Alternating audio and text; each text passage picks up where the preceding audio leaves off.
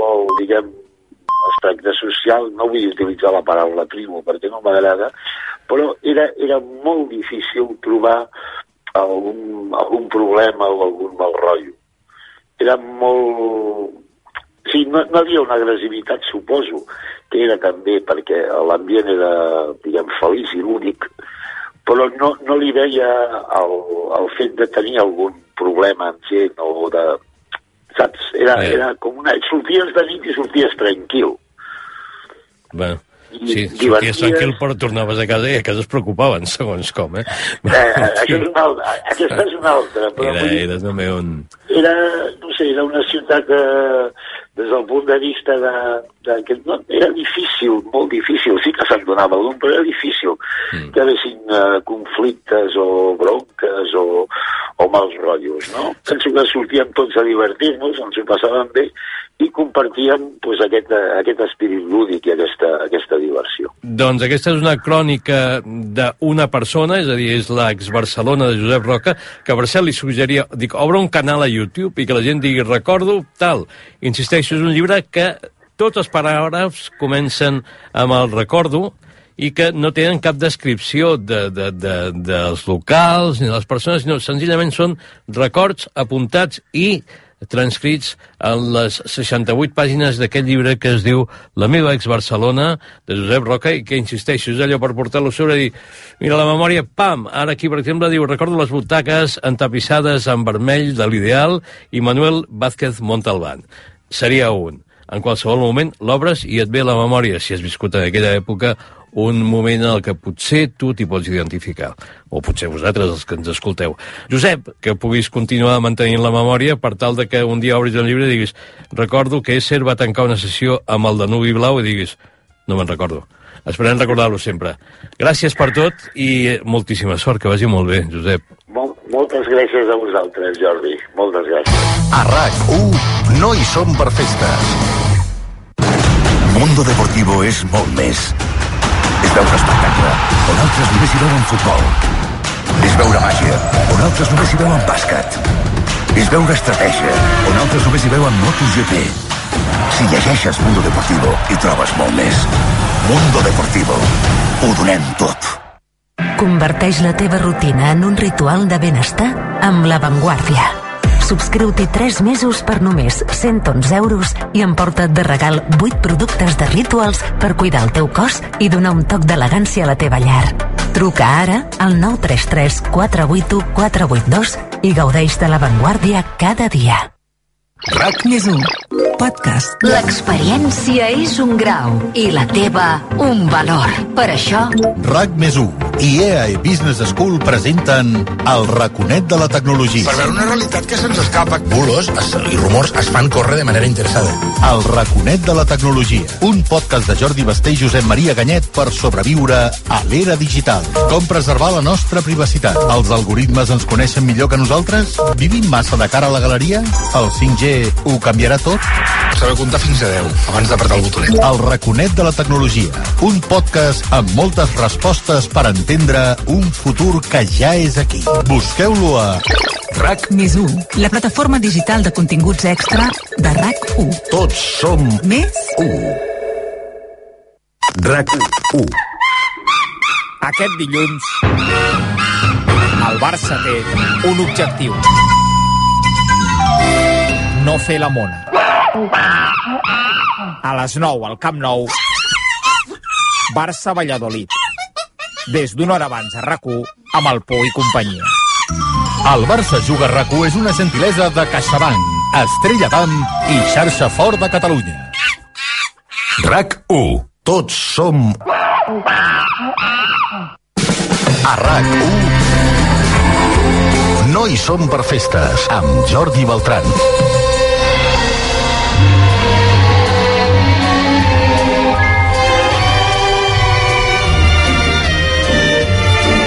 I això anem a ser últim bloc de repàs de pel·lícules amb escenes, en aquest cas, escenes que es produeixen a hotels. A un hotel. Eh, clar, aquí la llista sí que era infinita, però bé, Ja, hem triat hotels- quatre, quatre pel·lícules amb quatre escenes claus, no? Sí, sí. Amb- amb és que jo, jo quan m'hi vaig posar a pensar dic, No, no, clar. surten hotels a moltíssimes pel·lícules.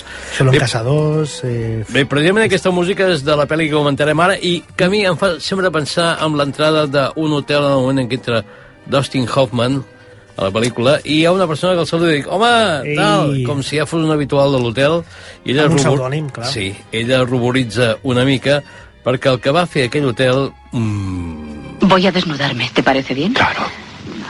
¿Debo eh, seguir aquí delante de usted? Es que no sé lo que espera que yo haga.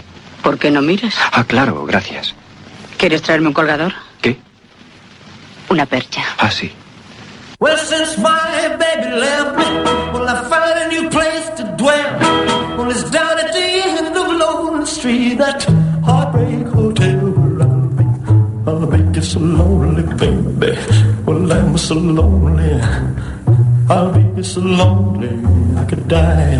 No he parat a buscar-ho ni a pensar-ho, però també deve haver-hi moltes cançons que es diuen Heartbreak Hotel, com Clar, aquesta mítica d'Elvis Presley, que hem afegit a continuació de la seqüència o el, Mhm. el diàleg d'una de les escenes del Graduado, que és una pel·lícula on l'hotel doncs, hi té una Clar, certa importància. Eh, té tanta importància que fins i tot la imatge del pòster és Eh? l'habitació d'hotel. Sí, és senyor. aquella imatge de les cames en Brankov, no? I, mm. i de lluny eh, el, el Dustin Hoffman. En Brankov, que recordem, era la dona, La dona de Mel Brooks. Mel Brooks, i aquí no s'acaba la connexió Mel Brooks, Ah, no. Brooksiana, perquè el guionista graduado és Buck Henry, co-creador, juntament amb Mel Brooks, de la Superagente 86, Hosti. i que a més aquí és el recepcionista de l'hotel. L'hotel Taft de Però Pasadena, passa on un, va... de Superagente 86 al Graduado? Era eh, És- el guionista, també era El cielo puede esperar, feia moltes pel·lícules en Warren Beatty a aquella Ah, època. I, i té aquest eh, aire, no?, el seu guió que li va encarregar Mike Nicholson a, a, adaptant eh, una novel·la que després també va ser una, una... Broadway va adaptar la pel·lícula original, no?, de Mike Nichols. Pel·lícula, al seu dia, va ser la més vista i la que més va recaptar l'any 67, a més, un d'aquests èxits que, que si sumem en la inflació encara avui en dia és una de les pel·lícules més taquilleres de la història i al final és una pel·lícula de un, l'inici d'aquest nou Hollywood de, que va començar a fer xup-xup als 60, no? per exemple, Bonnie i Clyde és una pel·lícula sí. mateix, dels mateixos anys que va canviar la cultura a Hollywood i que després ja va entrar al Hollywood dels nous directors com Scorsese, Spielberg i de més, però aquesta pel·lícula ja va començar una nova era, no? Una nova era que també representa un Dustin Hoffman que no era una mica... va rebre moltes crítiques perquè no era el que la gent esperava molt d'un personatge així, no? Al final és un, un wasp, no? Una mica aquest panorama de- d'un pijo nord-americà que ve d'una universitat gran de, de l'est dels Estats Units i torna a casa a Califòrnia amb una família d'advocats i ell al final, eh, ell diu el Dustin Hoffman que està molt ratllat perquè molts van criticar el seu aspecte de jueu, de veu nasal, Sí. sí. de nas molt gran, que no, però el, eh, en aquesta cosa de aquest concepte que arriba molt també als Estats Units, l'underdog, el, el, la persona una mica secundària que, que acaba triomfant contra els poderosos, li va trobar això al Mike Nichols i va apostar per ell, malgrat que bé, Robert Redford era qui més volien, Warren Beatty també va estar a punt de, de ser el Benjamin de El Graduado, que començava un, un romans, no? un afer Sí. amb una dona casada, que era l'Anne Brankov, que era la senyora Robinson, de la mítica cançó Mm. de Simon Garfunkel, que van posar música al graduado, i a partir d'aquests encontres sexuals no, que tenien en aquest hotel, doncs es va crear una relació que es complica quan els... Diguéssim, eh, ella és la, la dona del, del soci del seu pare, per tant, una persona lligada a la seva família i, els, i, i el seu marit i els pares del Benjamin intentant ajuntar el Benjamin amb, amb el fill del soci, per tant, amb, el, amb, la, ai, amb la filla. Amb la filla. Per tant, amb la filla de la, de la era? parella, Catherine Ross, Catherine Ross. que també va, Guapíssima. van apostar per ella, però també estava allà Faye Dunaway, Sally Field, Shirley MacLaine, Candice Bergen. Clar. És d'aquelles pel·lícules que hi ha una llista de easy, no? I, i, i en aquest cas, em, què passa? Que, que clar, la, es mesclen les dues relacions i el Benjamin ha de triar entre la mare o la filla, que clar, que la filla quan s'entera s'enfada. I aquí es crea aquest conflicte fins al final mític Sí, de però no, no, l'autobús. no, el revelem, no, no el revelem, no el revelem, perquè és un spoiler Clar. important. Eh? Eh, pel·lícula molt mítica, no? I que, que la- l'Anne Brankov, precisament, eh, no era tampoc el perfil de, de dona que haguéssim pensat per tenir aquesta... No era un sex símbol, tampoc, no era una, una actriu amb molt caché, però que es van trobar que moltes actrius que havien picat a la porta no es volien despullar, no volien I ser aquesta versió del nou Hollywood, que també era, Sí. era això, no? Era deixar enrere una manera de fer del Hollywood clàssic. Però t'he de dir que també representava, en certa manera, la fascinació dels homes joves per les dones més grans. I tant. I que en Bancroft ho brodava, Ho brodava. en aquest cas. O sigui, Bueno, és que és més enllà de l'aparença física, actriu brutal. Era, tenia una capacitat de seducció Sí. Aquí, aquí està el tema, la seducció, i com ja l'agafa d'inici, la primera escena que aconsegueixen, i aquí ja veus que ell ha caigut, no?, una miqueta en aquesta seducció. Li van oferir a Doris Day, que no es va, no es va amb Home, el tema Doris de... Day això no podia fer. Home, Doris Joan Day Crawford també li van dir eh, que n'hem parlat abans d'ella, Lauren Bacall, Lori Hepburn. Clar, aquestes actrius no podien fer això. Yeah. I per aquí el més curiós de tot, i aquestes coses que després vas veient a, a, posteriori, que la imatge de dir una dona madura amb un noi jove. Però és que després mires els anys de Dustin Hoffman i Dan Brankoff i es portaven 6 anys. 6 anys. I ella tenia 35 anys, en la pel·lícula ell 30. Doncs semblava més gran. Imagina't, eh? Aparentava més gran. Clar, i ella aparentava, ell figura que tenia 22, 23, quan en veritat realment l'actor tenia 30, i ella doncs, figurava que era 30 llargs, 40... I ara que havies mencionat 35. Loren Bacall, Mhm. en, realment, per l'actitud, sí que semblava que es podia haver inspirat una mica en la dona aquesta dura... Clar, és aquest, però- con sí, aquest concepte una mica fent fatal, però portat a, Sí.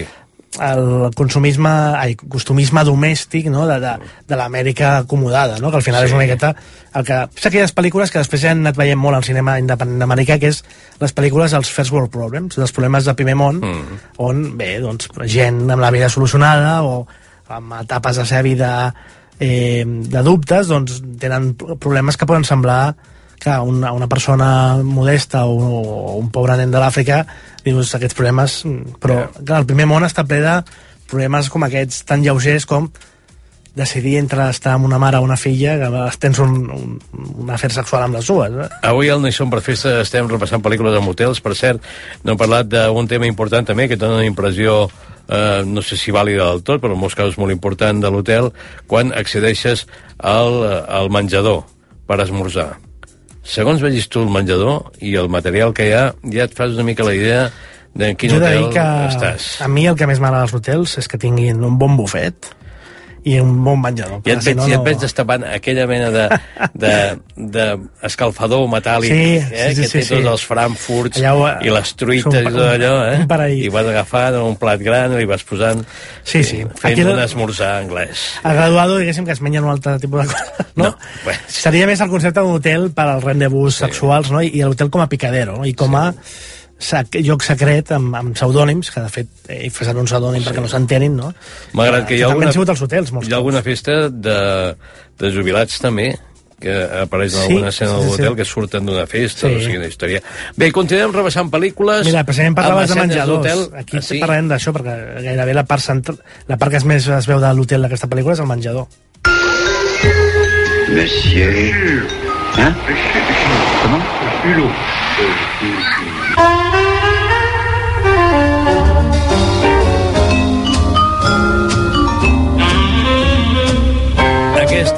és el leitmotiv musical d'una pel·lícula mítica també pel que fa al món dels hotels, a les vacances, de tot el que vulgueu, perquè gairebé tot el que va fer Jacques Tati en cinema és mític. En aquest cas és Les vacances del senyor Olot.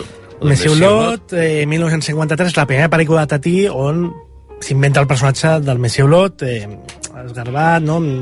prim, amb una, amb una pipa, amb aquest barret tan mític, i un personatge que, de fet, va ser una inspiració directa de, el Mr. Bean, el Rowan Atkinson, quan va crear Mr. Bean, es va inspirar directament en Monsieur Olot, Mm. que alhora era una recuperació d'aquells Charlotte, d'aquell Buster Keaton, d'aquell personatge de slapstick, que abans hem parlat d'això, no?, amb, amb, amb el personatge de Four Sí. Rooms, un personatge mut, la pel·lícula eh, ha costat trobar algun tall perquè la pel·lícula és gairebé muda, no? Sí. Està tota feta amb, amb els sorolls i els sons eh, de, de, de, de la platja, de la banda sonora molt jazzística, no? Eh, gairebé com de Duke, Hell Duke Ellington una mica, i que retrata, en aquest cas, eh, el Tati, que era director i actor, en aquest mm. cas, eh, el canvi d'una societat, als anys 50, que està deixant enrere el pessimisme de, de, de la Segona Guerra Mundial no? i que està començant a construir allò de la societat del benestar i, la, per tant, la societat de l'oci, no? i de com les noves classes comencen a anar a vacances.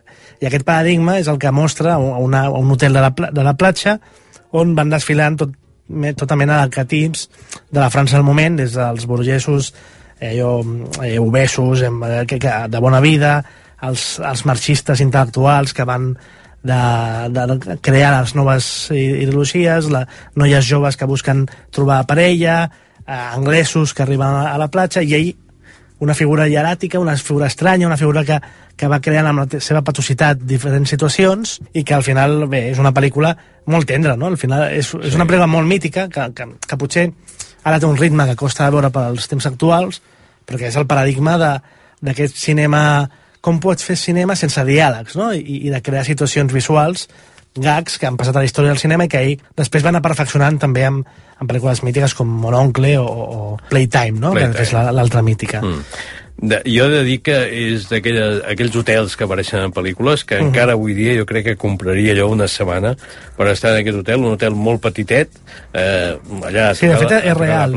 Mira, l'he buscat i, i és un hotel que és eh, l'hotel de la Plage, a Sant Marc du Soumer, a Sant Nasser, i ara està, diri- és de la propietat de Best Western Hotels. Ara ja forma Ah. part d'una una gran companyia, Ja. una corporació s'ha quedat, però si volem em, reviure les vacances de Messi Olot, podem trobar aquest hotel. Doncs mira, hotelets d'aquests jo crec que de cara a l'estiu serien molt interessants. Clar que en el moment en què estem no saps ja quins hotels poden ser interessants o no, Són o si altres estaran d'aquests oberts. sectors que, que no. han, han patit del Covid. Welcome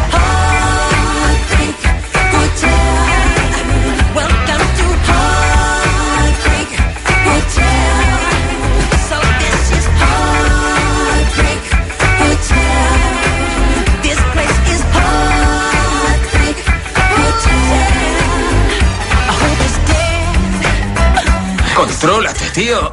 Ponte unos pantalones, joder. Phil, no entres en el baño. Al, tranquilízate, soy yo. Phil, hay un tigre en el baño. ¿Qué está pasando? Hay un gato de la jungla en el baño. Vale, no vale, entres, Al, no lo comprobaré, lo No comprobaré. entres, no entres. Ten cuidado, no, no. Oh, ¿Ves? ¿Ves? Joder, es cierto, ahí dentro hay un tigre.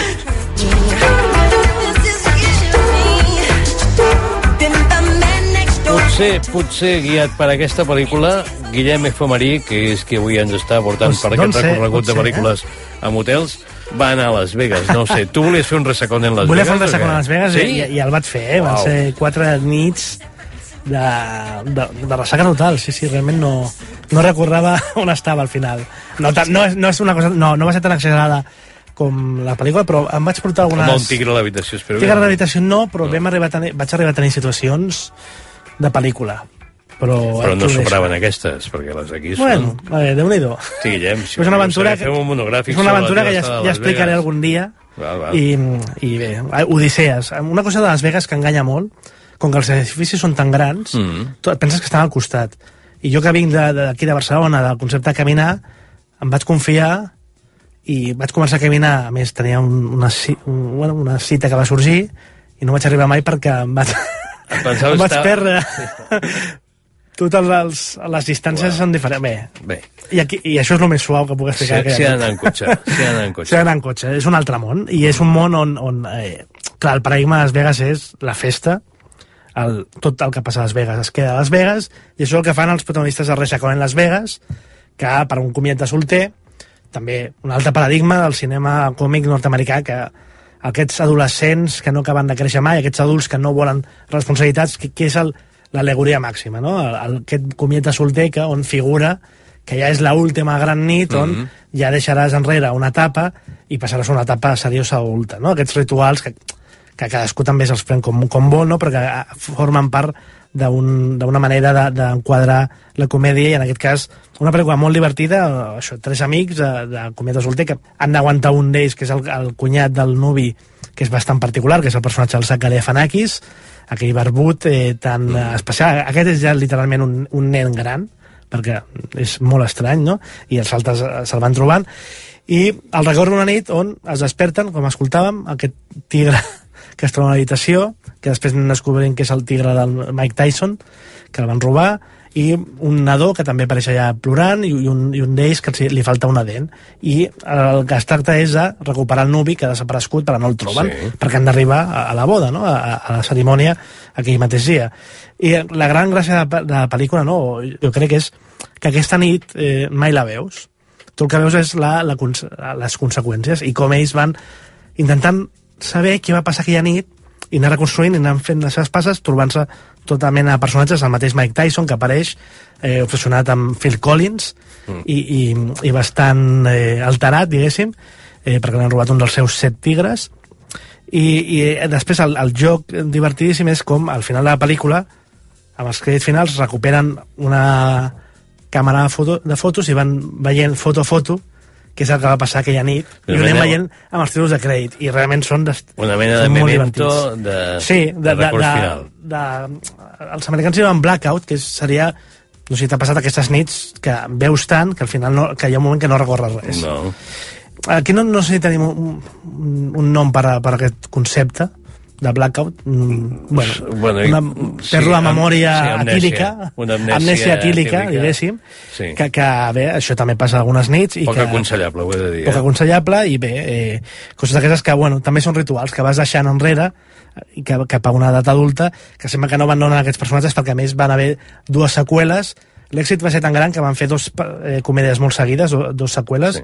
jo crec que van triar bé perquè a vegades si t'has fixat, hi ha moltes comèdies que ho triomfen i esperen molts anys en fer la seqüela i no és el mateix. No. Jo crec que la comèdia és un gènere que si enganxes èxit amb en públic, has d'anar seguit, has de fer les dos o tres que toquin mm. i després i cremar-ho, perquè els temps canvien i, i la comèdia costa molt de que aguanti amb el temps. Ara, l'Eddie Murphy, per exemple, ha fet el rei de Zamunda No, i no és el mateix. que 20 no i pico anys després no, no acaba funcionant el tema. Bé, doncs sort van tenir negativa de que no vas voler seguir la tradició i anar cada vegada que feien no, una, una seqüela a Las no, Vegas. Perquè no, perquè a més, clar, la segona passa a Tailàndia i aquí sí que hi ha una combinació de, de, de allotjaments. Hi ha el gran resort on té que ser la, la boda i l'hotel de mala mort en ple Bangkok on, on es desperten que té la, la segona eh, a mi m'agrada, o sigui, hi ha molta gent que critica perquè és molt similar a la primera mm. però precisament després la tercera van voler fer una cosa molt diferent i la gent va dir, home no, No. ha de ser com la primera i en la segona ho feia molt bé perquè era el mateix més gruller, més passat de voltes i amb, la, amb les coses més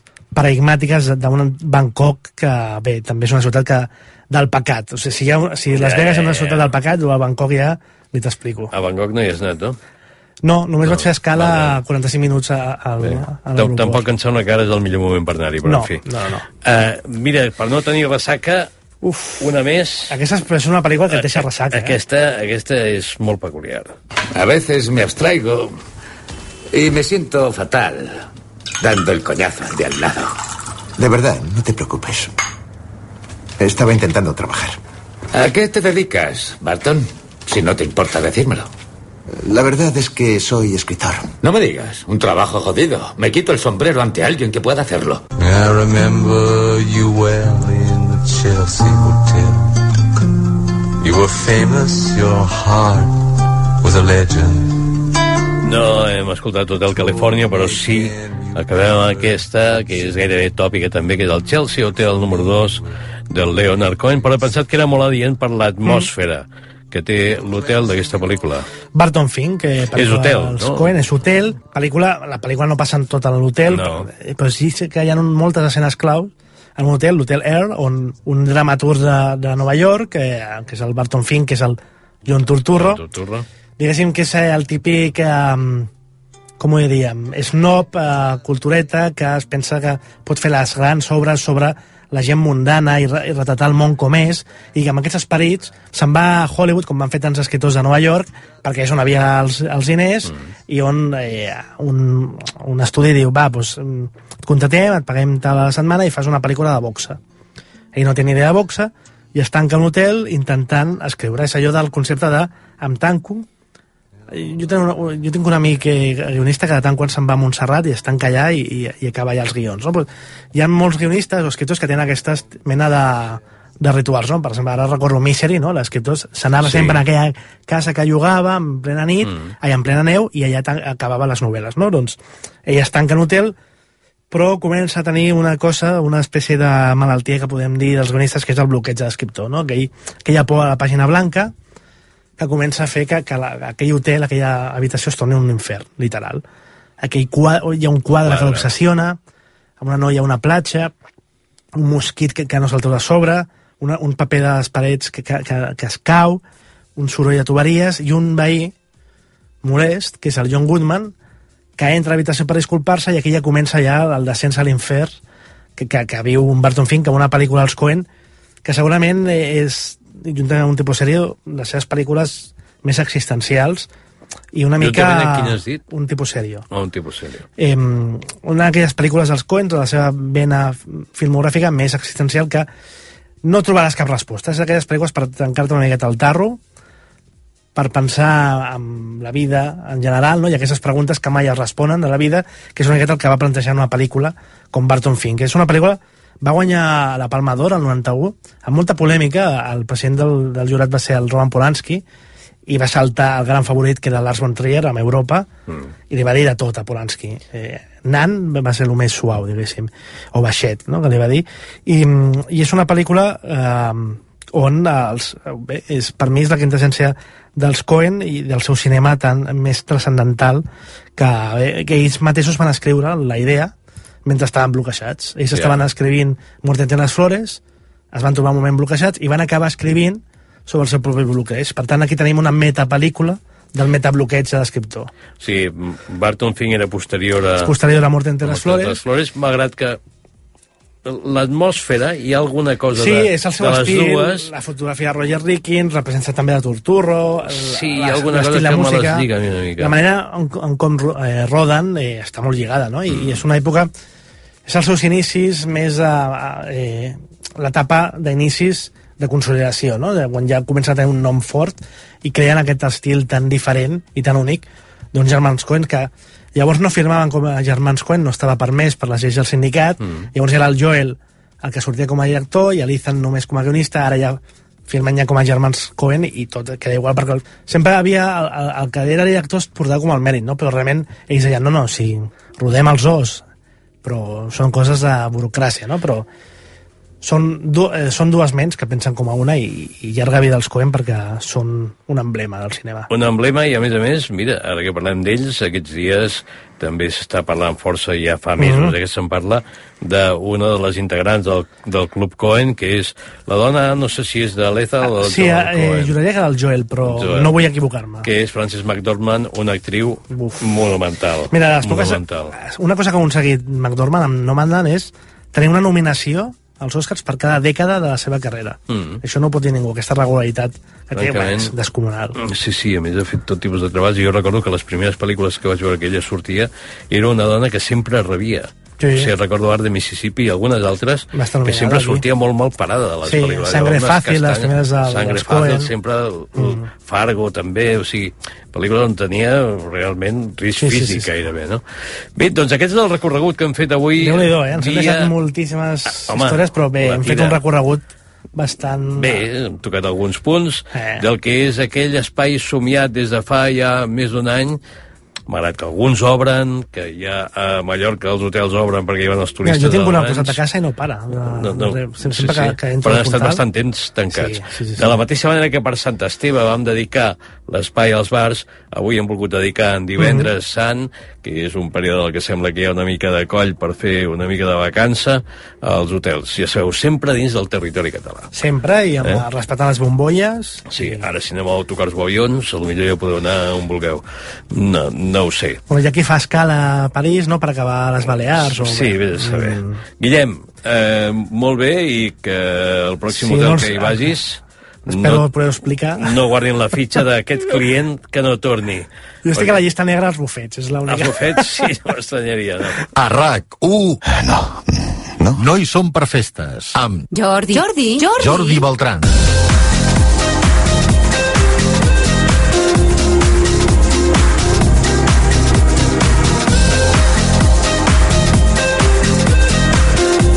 Fins aquí aquest eh, No hi som per festes de Setmana Santa, de divendres sant, eh, pensant en hotels, un lloc el que suposo que també penseu molts dels que ens escolteu, en els que alguns us enyoreu de tornar a tenir aquella cosa de dir infant al llit, mm. l'esmorzar, Sí, el sí. dinar, tot això, i que, doncs, malauradament, molta gent que potser podria fer-ho no ho pot gaudir des de fa ja uns quants mesos. També es lamenten força els hotelers, perquè les coses no són iguals i a lo millor encara es pretenia que fossin iguals. Ja veurem com es soluciona tot, com sempre diuen, tot és molt incert, eh? En fi, Mínimament certesa, no? de moment rebeu una gran abraçada, que tingueu una gran, unes grans jornades de descans, si les podeu fer. Tinguem en compte que hi ha persones que encara treballen en dies festius, eh, com és avui, demà, diumenge, dilluns, però nosaltres serem aquí per acompanyar-vos. Moltes gràcies, com sempre, una abraçada molt forta i moltíssima, moltíssima bona sort.